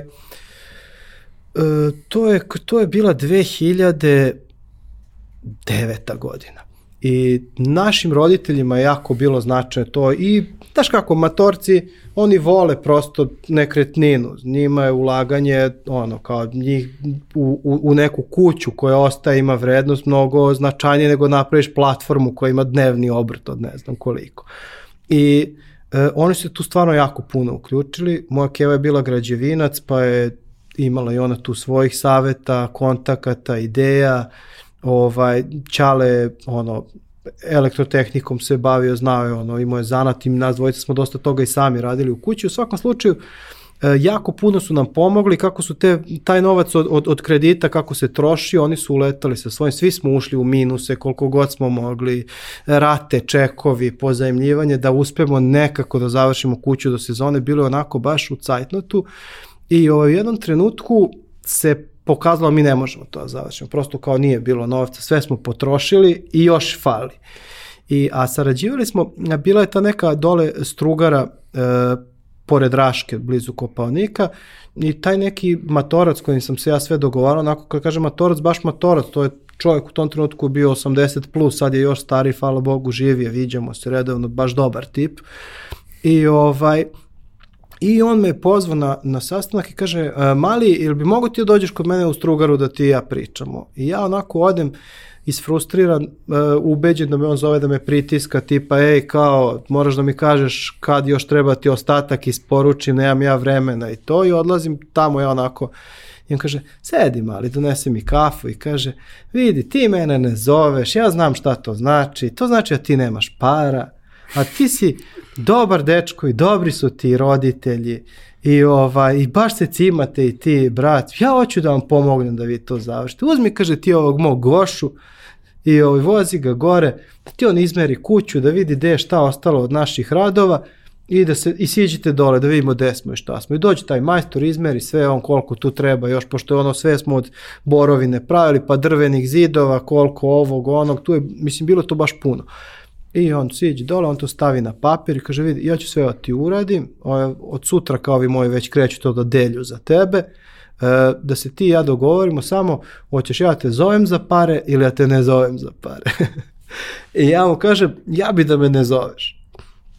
I to je stvarno tako bilo, oni to nama završe, mi krenemo da radimo i onda smo se ono, malo od sezone, pa posle zapošljavaj se, pa je Burazer opet išao u Ameriku, pa ta malo po malo, malo mi smo njemu to vratili. Samo je jednom pozvao i to mu bilo glupo zove nas, zvao našeg ćaleta i rekao kao je nešto sam zaglavio jako, ako bi mogli tvoji sinovi bilo šta da donesu, bilo bi super. I ćale nam javi i mi se pokupimo, odnesemo i on se čovjek najstrašnije izvinjava. Ako ja se izvinjavam, pogazio sam reč, tražio sam, a rekao sam da neću. I ovaj, Tako smo to završili i sad kreće, bliži se ta prva sezona, treba da krene. E, rasprodali smo novu godinu, moja drugarica s građevinskog faksa, eto neke koristi iz građevine. koja se umeđu vremenu udala u Sloveniji, skupila ekipu Slovenaca da napune gajbu, oni dođu, odradi se ta nova godina, sve onako kuća skoro pa završena, ali sve vreme dok oni odu na skijenje mi nešto još raduckamo i to. I odu oni i kao super, i odjednom to plate, mi kao wow, znaš, kao počeli smo da zarađujemo strava. Međutim, to je godina čudna bila, to je zima 2009. na 10. uopšte nije bio pao sneg. Za novu godinu si mogu da izađeš u košulje, da, mogu si u majici da izađeš napolje. Znači, uopšte ništa se ne, znači, mi nemamo ni jednu rezervaciju, nemamo, e, napravimo tu grešku, kao, e, ajde, mora gajba da živi, mora da ima vibe, kao sad imamo i neki kapital od nove godine, kao ajde pozovemo društvo iz Beograda, sve ljude koje znamo da tu budu na gajbi, da gajba vibrira, da kao jedemo, kao pijemo pivce, družimo se i mi na, na tu akciju potrošimo sve što smo zaradili za novu godinu. Ljudi su prosto došli na odmor, uživali, pokupili se i zapalili. I, ovaj, I mi, šta ćemo, vratimo se u Beograd, nemamo nijedan upit, nemamo nijednu rezervaciju, pušte reklame na network džabe, nema nikog na kopu, ono, nema, tad nije bilo ni veštačkog osneži, osnežavanja e, plus temperatura, mi odemo kući, sedimo, onako. E, samo jednu stvar, pošto nisi, nisi to rekao, koliko je veliki hostel? 18 kreveta u tom trenutku. Mm. I e, tu mi, kažem ti, sedimo u Beogradu, nema nemamo gostiju, nema ništa. U jednom momentu kop kakav je već čudljiv, padne temperatura na minus 21, mi se vratimo na kop, nama svi radijatori u kući pukli na pola od zime, jer nama majstorka radio grejanje nije sipao one antifrize i to mi to nismo znali. I ovaj, niko neće da ti menja puknuto rebro I onda Ćale ja odemo kod majstora u Beograd da nam on demonstrira kako to izgleda, nikad se time nismo bavili, pa nam da njegov ključ, pa odlazimo na kop, pa svaki radijator skida i pa vraća i pa namešta i pa i kreću prvi gosti. Ali se desi stvar, e, ovo sad može zvuči kao ona neka preduzetnička mitomanija, ali mi stvarno, kad su nam došli prvi gosti u kuću, posle tih novogodišnjih, mi dinara nismo imali. I pošto smo, da, a, a kada smo krenuli da određujemo cene i kako ćemo da radimo, ja nisam kao tad bio baš siguran kako bi trebalo to da formiramo i odem kod nekog dečka tu blizu nas koji je nešto slično radi. Ja ga pitam, pa kako ti naplaćuješ, kako to cene? I on kaže, pa pazi, ja ti radim na polu pansion, kao dajem im doručak pre skijanja, večeru posle skijanja i to kao može više da se naplati, a njima je to gotivnije. I mi kao, ma to ćemo i mi da radimo. I razglasimo mi polupansion. I dođe ta prva grupa ljudi. Sad ovdje za novu godinu što su bili, bili su društvo, pa su i oni, mi donesemo namirnice, oni kuvaju, tamo mi to nismo toliko osjetili. E sad dolazi prva grupa, mi nemamo kinte ni za namirnice, ali bukvalno. I ja se sjećam, odlazim u lokalnu kafanu da molim onog lika kao mi ono spremit će vape za 10 ljudi i kao spakuj mi od kartona od pice pa ću ti ja platim sutra. I onda ona neprijatna scena, može, ali zato što ti znamo Ćaleta, dobar je čovek, ali mi ne radimo na veresiju i to, znaš, kao. I kao ti mora da otrpiš, kao dobro, dobro, ja se izvinjam, jes malo neprijatno i to. I onda ok, naplatimo, onda kreće, sledeći vikend smo opet puni, već se to malo pročulo, ljudi u Beogradu jedni drugima to pohvale i to kreće, jedan vikend. I tad je bila fora, e, mi odemo u Novi Pazar, kupimo ćevape, smrznemo ih u paketiće, petkom je uvek ćevapi i pire krompir, a subotom e, mešano povrće i bečka, a bečka bi, ideja je bila gore u, u konacima i ja okrenem onog šefa, kao možda spremiš 10 bečkih, ja ću da dođem, on spremi, ja to naređem na tanjir, on kušta, ovde dobra klopa, kao, zna?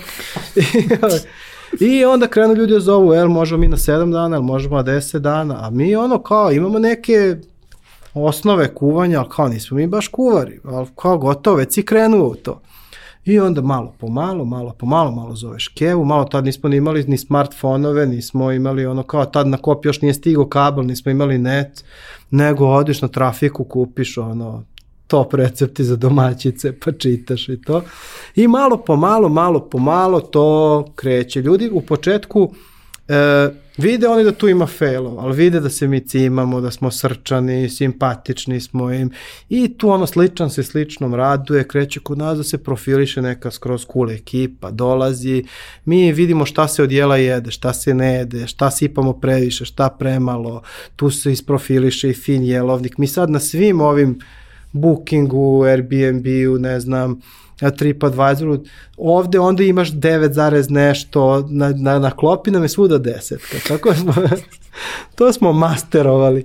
I malo po malo to krene i krene jedno po jedno, krene jedno, krenu stranci da od nas otkrivaju i krene tako sezona za sezonom, mi smo sve puni, to sve ide bolje.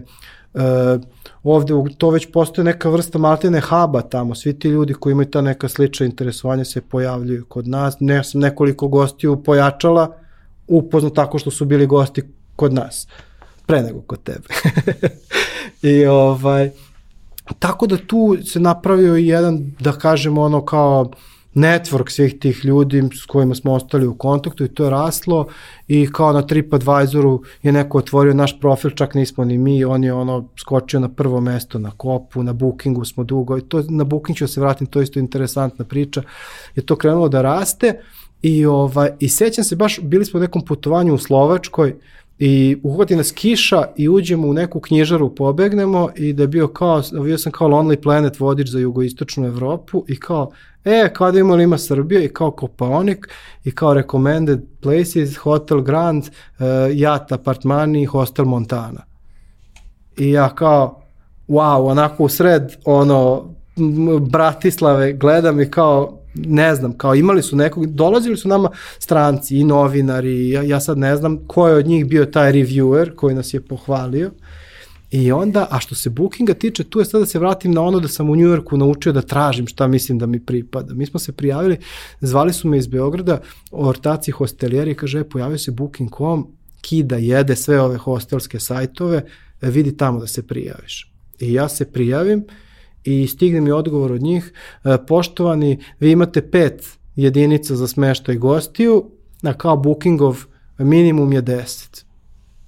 I, ovaj, I ja nađem njihovu centralu u Zagrebu i pozove. I kažem, dobar dan, ja zovem Skopaonik. Kopaonik je ono kao top srpsko turističko mesto. Kao to je, kao kakva, kakva Srbija takav je to. Tužno, da. ali... da. I ja kažem, rekao, pogledao sam vaš lid, rekao, vi imate četiri hotela iz listana, kao ovde su ono desetine hiljada turista. Vi zbog ono neke administrativne prepreke mene nećete da ulistate. Ja mislim da je to glupo. I oni kažu, ajde pozvaće vas neko, kao, znaš, moramo ovo da pro... I pozovu me odmah. Neki čovjek, valjda mu to bilo simpo, on se smeje i kaže, može, ulista, ajde da probam. I I to, znači mi kako smo se ulistali na Booking.com, to je eksplodiralo. Znači, samo kao jedna za drugom rezervacije stižu. I kao, ok, super. I, ovaj, I jednu sezonu mi tako fino na, na tom talasu izguramo i onda pred sledeću sezonu mi zvoni telefon i zove neko, na primjer, halo, dobar dan, ovde je Gordana iz Booking.com-a, mi smo krenuli da ulistamo sve kuće na Kopalniku, da li ste vi zainteresani, ja sam bio, pa mi smo već na Bookingu, kao stvarno, jeste sigurni, pa jesmo, ja sam ja provalio i onda je samo sledeće godine Booking.com bio zatrpan, nije imao više četiri, nego no, 404 smeštaja, ali smo se mi dotle isprofilistali, imali smo i dobre ocene, i ovaj i stalne goste. Mislim mi smo maltene bili predstavljeni da se reklamirali bio relativno mali kapacitet, nismo se cimali, među vremenu smo odlazili u Colorado, ovaj, tamo je Burazer šljako, mi smo malo gledali kako se tamo radi, pa je, pa je on dono neku kintu, pa smo još se nešto proširivali.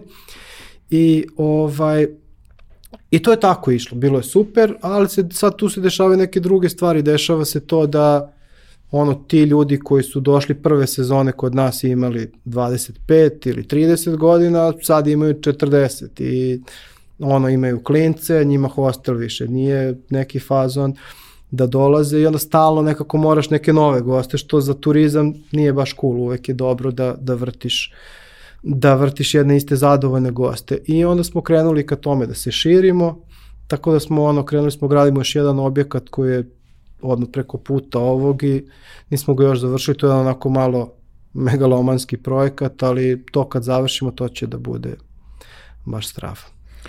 A, taj biznis je sezonski. Sezonski biznisi nose niz izazova sa sobom za početak to što jedan deo godine se raspadaš od posla, drugi deo godine tako je, tako je. nema posla de facto uopšte ili ga ima u tragovima.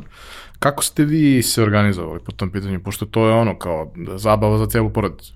Tako je, tako je, tako je. Pa, e, iskreno da kažem, dosta je dobro išlo preko tokom zime. Tako da, ovaj, i uvek smo imali e, tokom leta nešto posla. I ovaj, tako je to moglo za neki e, pričamo o našem momačkom životu, ne, sad smo obojica roditelji postali, to više nije baš tako jednostavno, ali mogli smo fino da, da to razvučemo na celu godinu, a pritom smo radili i razne druge stvari nismo ono odlazili smo i u inostranstvo i i ono radili smo po ugostiteljstvu radili smo ja sam se ja sam radio u nekim marketinškim agencijama da ispunim svoj dečački san i i vrlo brzo sam pobegao Ova, Logično. Da, da, tu, da, tu je, to je još jedan pakao, to je onako jedno kad, kad ti ubiju Deda Mraza, ti misliš da to sve puca od kreativnosti, a u stvari je puca od formalnosti. I ovaj, Tako da e, smo to uklapali, ali smo sve vreme ono negde u podsvesti znali da moramo da se širimo. I to je onako jedan projekat na kom dugo radimo i svake godine smo i odvajali sa strane i štedili, razmišljali i sada se dešava slična stvar sa gradnjom ove nove Montane koja se dešavalo sa, sa prvom, tako što ovaj su krenuli ljudi sami da nam se jave da ono po, da pomognu, da investiraju, da, da dodaju koliko ljudi, neki gosti s kojima čak nismo ni toliko bliski, koji su verovali, videli su način na koji mi radimo tu posvećenost i koji su želi da to podrže. Tako da to ide super, nego uhvatilo malo da mi prošle godine smo, na, Nova Montana nas je spasila od korone, u smislu što cele godine smo imali smisao. Imali smo bebe koje rastu i kuću koja raste i onda to kao te vesti oko korone su baš bile ono loše, ali smo mi sve vreme imali neki svoj mali progres na gradilištu po ceo dan s majstorima, projekti, metar, meri, razlači, tako da smo celu prošlu godinu proveli u gradnji. Onda kad je bilo da prelomimo da li treba da damo gas da završamo za sezonu na brzinu ili da iskuliramo ovu sezonu, odlučili smo da iskuliramo. Tako da za sledeću sezonu bi trebala bude gotova i, i nova Montana. E sad, uh, to je, da kažemo, jedan deo priče. Uh, post, tokom trajanja ovaj, cele priče sa hostelom bilo je i drugih nekih aktivnosti. Uh, između ostalo, kao što si rekao, još nekoliko puta si išao i u Ameriku yes. i generalno ono, proširivo si vidike koliko je to moguće. Šta, šta su neke ono ključne poente uh mhm. -huh. iz tih ostalih aktivnosti koje su bile? Da.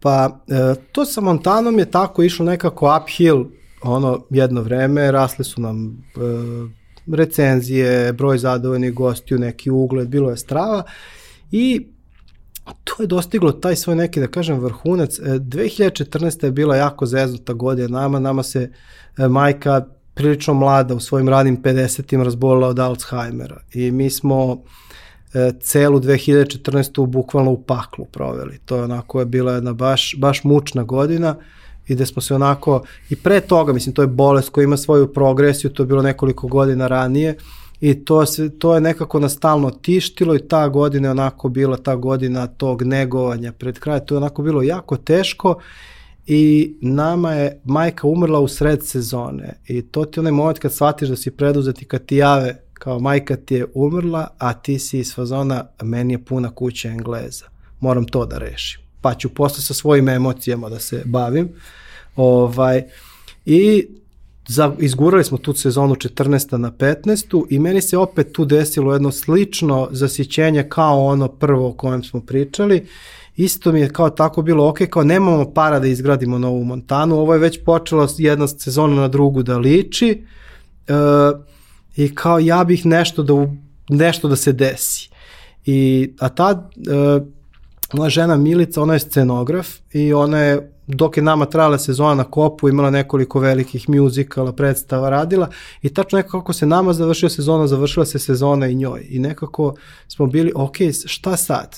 I kao, znali smo da je svo, sav taj užas nekako iza nas, ali kao, gde sad? I ja sam razmišljao, rekao sam je kao, Znaš šta, po nekom zakonu verovatnoća, ako smo imali toliko lošu 2014. 2015. mora bude dobra. Ako će bude dobra, hajde da bude dobra u Njujorku. Znaš, kao... I mi smo se tu ovo, onako grlom u jagode krenuli u New York. Ja sam od tog društva koje sam znao iz prvog New Yorka, uspeo sam preko nekih kombinacija naći neki stančić u Brooklynu za nas, tamo dole niže. I ovaj, I to će se ispostaviti kao jedna baš dobra ideja, prosto ponovo moj ono sudar sa New Yorkom i ponovo sad ono kao ne znam već koliko, koliko je to, ono kao 7-8 godina kasnije. I tu pre, odlazili smo mi u Ameriku pre toga, imali smo i neke road tripove i taj Colorado i sve, ali kao taj New York mi je nekako bio ovaj, da, da se ono, i New York je, eh, on je, znaš i ti, to je jedan specifičan grad koji je miks svih, do, do te mere su se umiksovale sve kulture, rase, nacije, religije, seksualna opredeljenja, polovi, postojeći, nepostojeći i do te mere da se čak su i subkulture nestale, ono svaki čovjek je postao subkultura za sebe i taj grad jako, ako mu se prepustiš, ako ono ne, ne ideš sad samo ne znam da se slikaš kod kipa slobode i to, nego ako stvarno ovaj, nekako uđeš malo u dubinu Njujorka, to je grad koji te stvarno radi.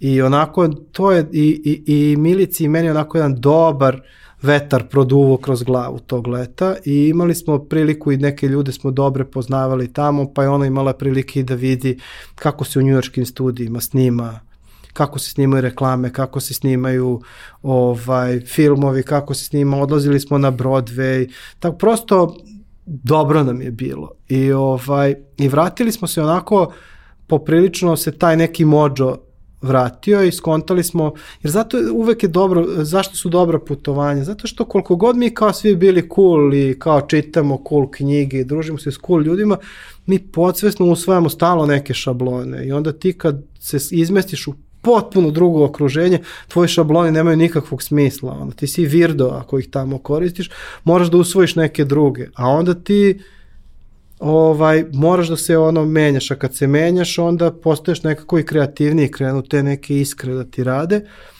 i te godine smo proveli u Njujorku nekoliko meseci, onda smo se vratili svojim obavezama u Beograd i onda smo otišli sledeće godine ponovo u Njujork, jer smo provalili vraćamo se na to sezonske poslove. Da je moj i njen posao su sezonski i imamo tu rupu koju smo tako, ona je dosta stvari radila i online, ovaj, te neke scenografske skice, projekte mogla i odande da radi, tako smo mi odlazili i te druge godine, to je 2016 smo otišli, mene je vuklo, bilo je tu još neko naše beogradsko društvo i znamili smo kol mene vuklo da odem opet u Vermont, da se vrati. bio sam u fazonu, ajde, e, e, ostao sam nekako dužan tom Vermontu, kao on je bio toliko dobar prema meni, ti ljudi su toliko fini i on je tako nekako, jako je specifičan, on, to je jako neamerička država, to je kao Kanada, pretpostavljam, nikad nisam bio u Kanadi ili tako zamišljam. I onda smo mi otišli u Vermont, ja sam teo još jednom da, da sad kao sa nekim pametnijim mozgom to ovaj, vidim i bilo je strava, obilazili smo i te neke lokalne craft pivore koje su, ne znam, proglašene najboljim u svetu i tako, razne stvari smo viđali i ja sam se setio jedne prodavnice u kojoj smo mi volili da idemo kad smo bili u Vermontu, a koja je svuda kao kad odeš ti recimo hoćeš u, da vi kao things to see in Burlington in one day, tu je, uvek ti stoji ta neka prodavnica, taj neki city market. Ja kao, brate, što će prodavnica kao u turističkom vodiču i mi odemo i to je to, kao uđemo unutra kao bum, ono, ogromna radnja, veličina, ne znam, nekog našeg, možda ne hipermarketa, malo manje, ali baš onako velika i svi udruženi lokalni vermontski proizvođači na jednom mestu. I, ali to je ono, baš do, do to, ta njihova scena do te mere razvija da ti kao da uđeš u neki supermarket, u sve postoji, od lokalnih pekara, proizvođača, ne znam, kraft praška za veš, preko kozmetike, sve vrste hrane, sve živo. I to je ludilo, mislim, ti, ono, možda zamisliš sad tu ne znam koliko hiljada proizvoda, kako ta pakovanja izgleda, kako to miriše, kako je to, a ispod svakog proizvoda stoji kao, ced, znači ima cena i kao ceduljica gde je proizvedeno, kako taj storytelling sa svih strana te napada i kao, wow, I onda smo mi to ono pokupovali brda stvari i izlazimo i se, jao, kad bi ovo bilo u Beogradu, kad bi ovo bilo u Srbiji, imamo i mi neke craft proizvode, kad bi to moglo, ali sve ne pada ti na pamet, nismo mi ljudi iz retaila, mi smo kao nešto drugo radimo. I to ostane kao neki naš san i onda smo se mi tog leta nam je ono, namestilo nam se da se venčamo u Njujorku i venčali smo se na plaži, kupili smo burme preko Ecija i stižu burme preko Ecija, onako oni juveliri napisali nam poruke, ono, kao dir, Aleksandar, ono, srećan ti u braku i to sve. Potpisuje se majstor koji je to brusio i sve i kao, hej, pa kao, možda ovo, kao, hajde kao da probamo ovo.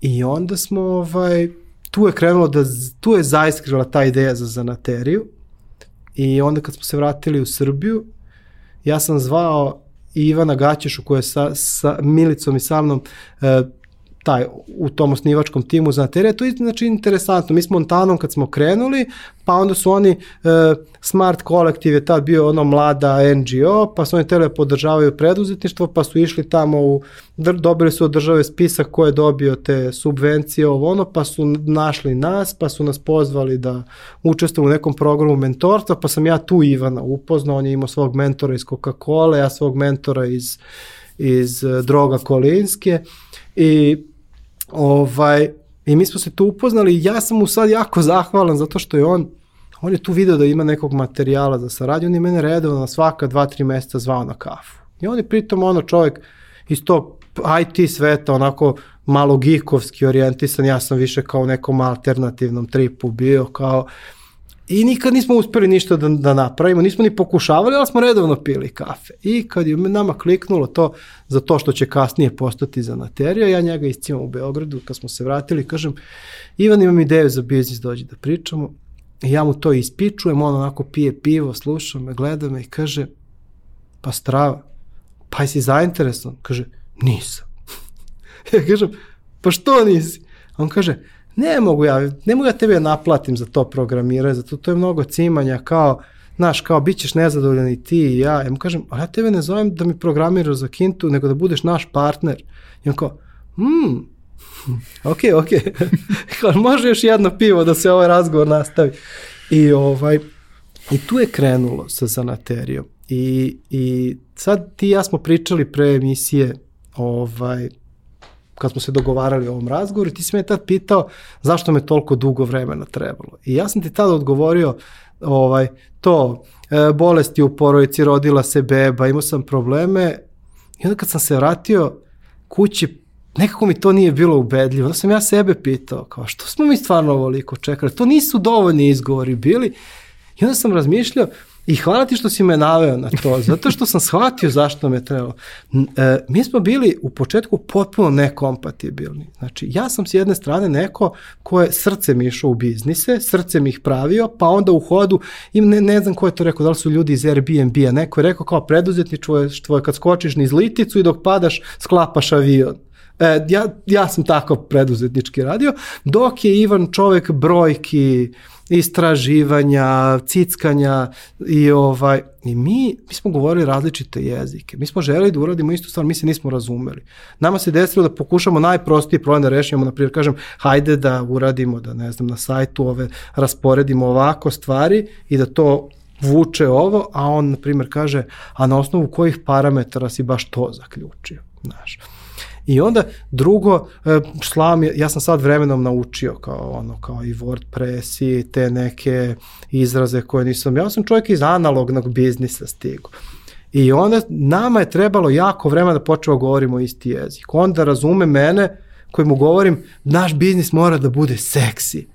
A on je u fazonu, objasni mi to seksi, kako se to Definiši kako se to broji, koji, po kom parametru je seksines, ok, hoćemo da napravimo anketu kupcima, da li smo mi seksi od 1 do 10. Tako da ovaj, trebalo nam je puno vremena iskreno se nađemo negde na pola puta da se skontamo, da on razume nas i da mi razumemo njega, a imali smo tu sreću što stvarno Ivan je jako dobar, dobar je lik, dobar je čovjek, dobar je tip i onda je on imao strpljenja za nas, mi smo imali strpljenja za njega i zato se zanaterija toliko dugo rađala dok se nije porodila. Tako da eto, sad sam ti malo dopunio taj ovaj odgovor iz kafića. Uh, ta priča se razvijala nekoliko godina i da kažemo poslednjih pa godinu dana je ozbiljna. Odnosno Tako. i dalje je ona u fazi rasta i razvoja, ali kao poslednjih godinu dana je to već nešto realno opipljivo nešto tako, što, što, tako. što ima smisla. A, šta se dešava, mislim, prvo kao, koji je taj trenutak kada kažeš, uh, ovo je sad već ozbiljno? Da, Ovaj, pa to je krenulo zapravo i tu smo se nešto, ovaj, to je tako išlo, ste, stani, kreni, stani, kreni, mi smo svi imali svoje posle, ja sam se bavio i Montanom, Milica je radila sve više scenografije, Ivan imao svoje projekte i to smo mi tako, zaletimo se, radimo za nateriju 10 dana, pa 10 dana ne radimo ništa i sve dok je, nije se tad ni zvala za naterija, to je posle tek smo smislili ime. I ovaj, I tu isto opet, misli, ono sad kao imamo ono red uh, smešnih priča i red mračenja, ali onda se meni i Ćale razboli i onda je tu krenulo frke i s njim i ovo, ja se tačno sećam da je meni ime, ja sam na sebe preuzeo da smislim ime, kao kako će se zove taj sajt. I mene to muči, onda sam kao stalno sam razmišljao u dva pravca na srpskom ili na engleskom. I kao e, to me muči. I onda sam u jednom trenutku, ja se sećam, baš sam Ćaleta sam odvezo na hemoterapiju u, u bežanijsku kosu i sedim i kao kako, kako? I kao kraft proizvodi, krafterija, kao neka kafeterija, kao, i kao odem da imam, kao na prodaju, kao možda ponudiš. I ja kao ponudim 100 dolara. I, ovaj, I lik mi odgovori kontra ponudom kao 5000 i kao imaš foru za još jednu kao da povećaš. I ja mu stavim 110. ja bio sam neću dam 5 soma dolara za ime i kao I onda kao da razmišljam srpsko, onda sam samo bio a čekaj, što, čekaj, kraft, zanat, zanaterija. I ja se sjećam tačno kako sam sedeo i tamo u, u, u onoj ispred Bežanijske kose i da nisam ovo, nisam ni Milici ni Ivanu ništa javio, odmah sam otišao na im čip i kupio. Znači, znaš, kao, I onda sam javio, imam predlog da se zovemo zanaterija. Kao, i niko, mm, kao, ok, može. Tako da, ovaj, to je išlo e, i bilo da, i malo smo se mi tu zaglavili. Bili smo za materija, krenulo je, e, oćemo, nećemo, oćemo, nećemo, ja sam, nisam znao kako je to ponekad, meni Čale mi je umro isto u sred sezone, i ovo isto sve. Sve i kad se to završilo, ja sam opet se osjećao nekako bez veze i da bi nešto napravio, tad je e, Trag fondacija imali su e, konkurs za zelene ideje. I ja sam kao, pročito, kao nije ovo ekološka, ali zelena ideja je mnogo više okrenuta ka socijalnom preduzetništvu i kao podršci lokalnim zajednicama nego samo ekologiji u tom smislu. I kao ide da probam. I ja sam napisao kao, ok, mi smo sajt, sajt sam po sebi ne može da bude zelen, ali kao mi možemo da budemo kišobran za sve te male biznise koji ne mogu to, vi, vi svi učite kako razviju biznis, oni to nemaju da, da plasiraju. Mi možemo kao da napravimo kao impact u tom smislu I to prođe, mi dobijemo nagradu. Tri nagrade su se delile po 5000 dolara i mi dobijemo jednu te tri nagrade, posle smo išli na to finale balkansko na kom ništa nismo uradili, ali tih 5 soma dolara nam je donelo tri stvari. Donelo nam je obavezu da moramo da isteramo to do kraja, nije bilo kao više od ugovlačenja i e, donelo nam je tu nagradu finansijsku koja nam daje push da možemo sada da isfinansiramo, jer smo mi sve to plaćali sami taj razvoj I treće, donelo nam je neki legitimitet. Onda si ti i kad kontaktiraš prodavca i kad kontaktiraš ljude iz medija, ti si nagrađen na platforma. Ako si nagrađen, tu je bio neki žiri. Ako su u tom žiriju bili ljudi iz poznatih firmi i banaka, pa valjda oni znaju koga su nagradili. Onda je to nama malo pomoglo da prokrčimo put i to je, onda smo krenuli, 2019. smo mi to u decembru pustili.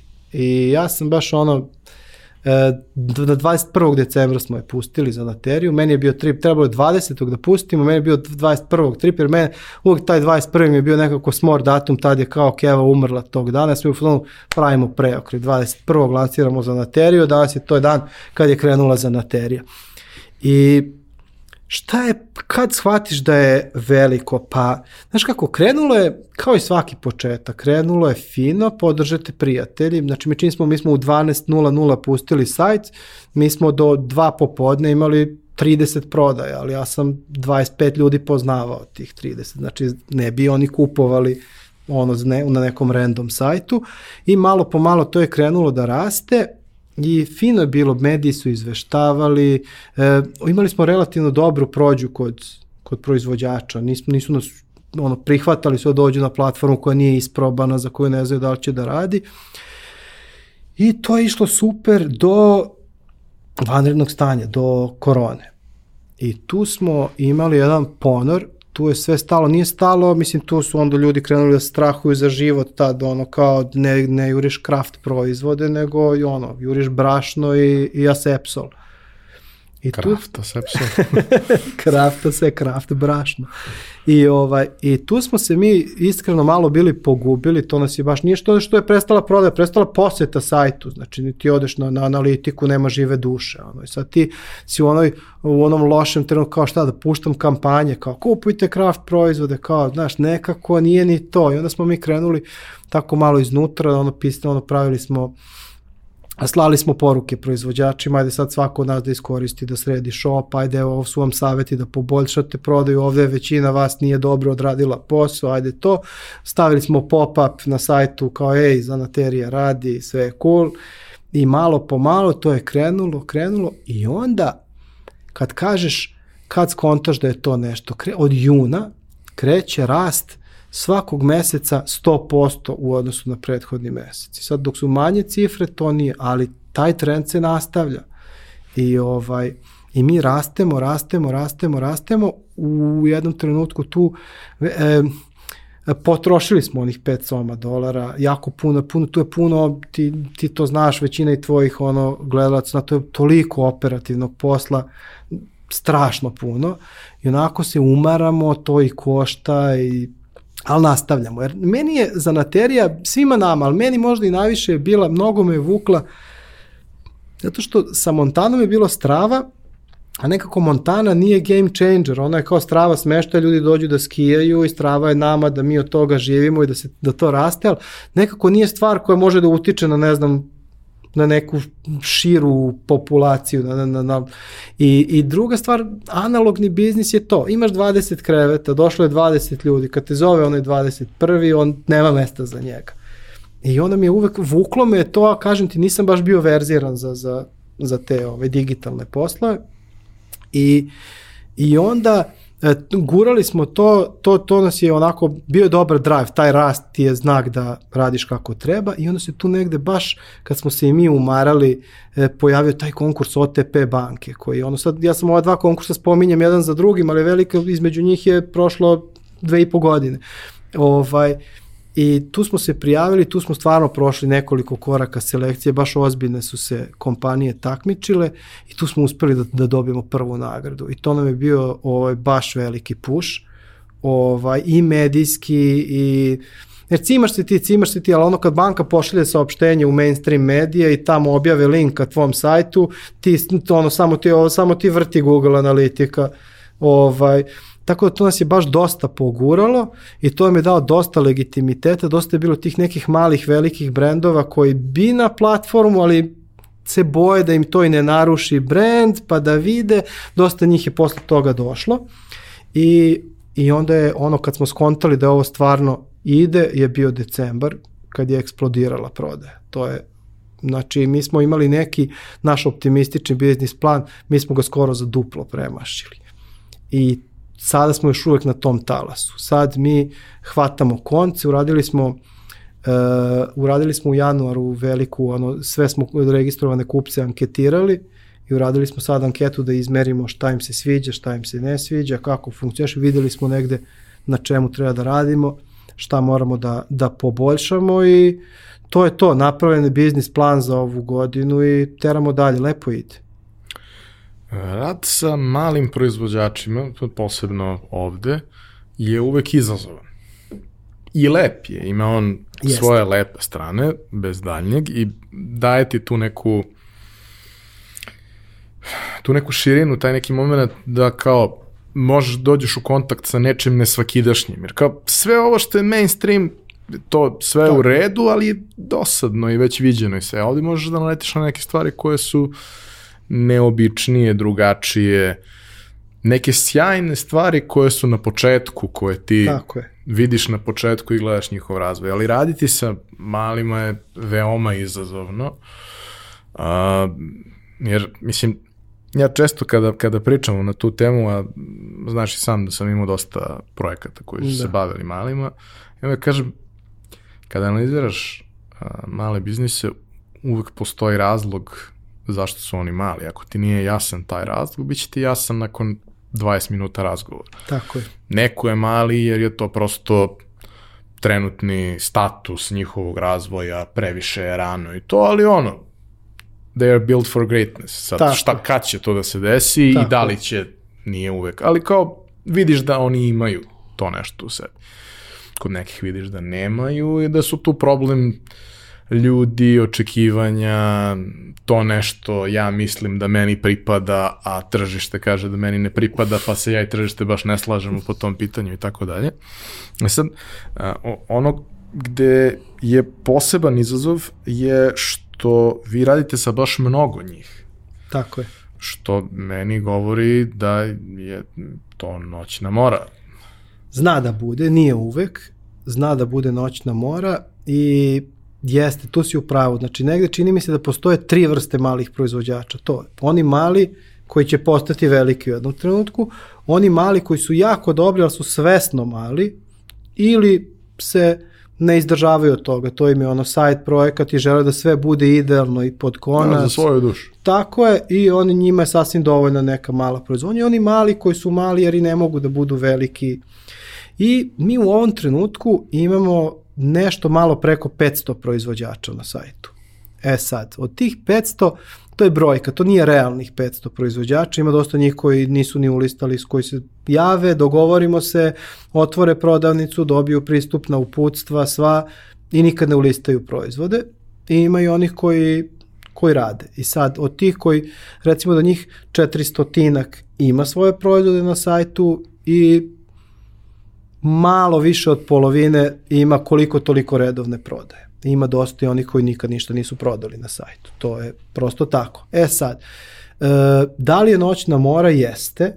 Noćna mora je, ovaj, ali sad već posle ovih godinu dana se polako e, malo sistematski, a malo instinktivno kod nas razvijaju nekakvi filteri koji znaju da prepoznaju, pošto e, postoje mali proizvođači s kojima jeste u početku jako teško da, da sarađujete, jer oni su prosto tehnološki nepismeni. I onda se dešava da oni ja sam, da, ima jako puno ljudi koji nemaju internet na telefonu ili nemaju e-mail na telefonu, nego oni tako jednom dnevno, jednom u par sednu, pa se uloguju na kompjuter, desktop, pa vide. Sad tu to, to može da bude onda uhvati vikend, pa promaši se naručbina, ne pošalje se po 4-5 dana.